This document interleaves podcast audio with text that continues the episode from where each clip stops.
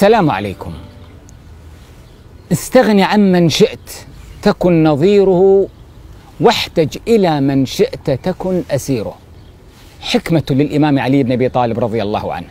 يتكلم فيها عن قضية قوة الإنسان في استغنائه عن الآخرين قوة الإنسان في قدرته أن يرجئ بعض الحاجات أو يستغني عنها. قوة الاستغناء الإنسان مجموعة عادات. الشيخ محمد الغزالي في كتابه مئة سؤال عن الإسلام كتب مقالا عن حكمة الصيام وأورد فيه أن له صديق شره في التدخين فدعا له بأن يعينه الله على الإقلاع عن التدخين فالصديق سمع الدعاء فقال اللهم لا تستجب ولا تحرمني من هذه اللذة. شفت الضعف الإنساني؟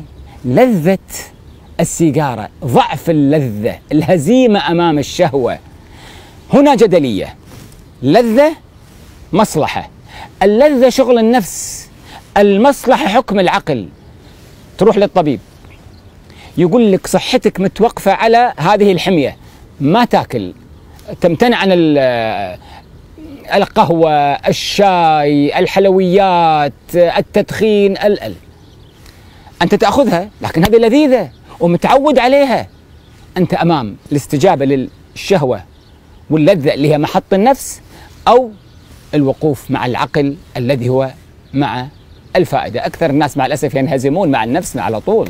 رمضان يأتي لكي كما نقول دائما يقويك ويقوي إرادتك في قدرتك على الاستغناء وتدريبك شهر كامل على هذه الطاقة والتدريب يحتاج إلى أيام حتى تكون نمط سلوك وعادة.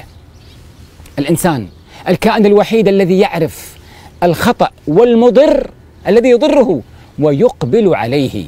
قوتنا في استغناؤنا عن كثير من الأشياء التي نتوهم أنها ضرورية أو حاجية. لذلك شوف القوة. الشيخ محمد الخضر حسين التونسي الذي صار رئيسا للأزهر في مصر عندما جاءته تهديدات عليا. قال أنا لست أنا الذي يهدد. إن كوبا من اللبن يكفيني 24 ساعة. وغاندي الزعيم الهندي الذي وقف أمام الاستعمار الإنجليزي في القرن الماضي وحاول يفاوضهم وما استطاع أن يرضخهم لقضية حقوق شعبه فأمر بالإضراب. رزقنا الله وإياكم قوة الاستغناء. شكر الله لكم.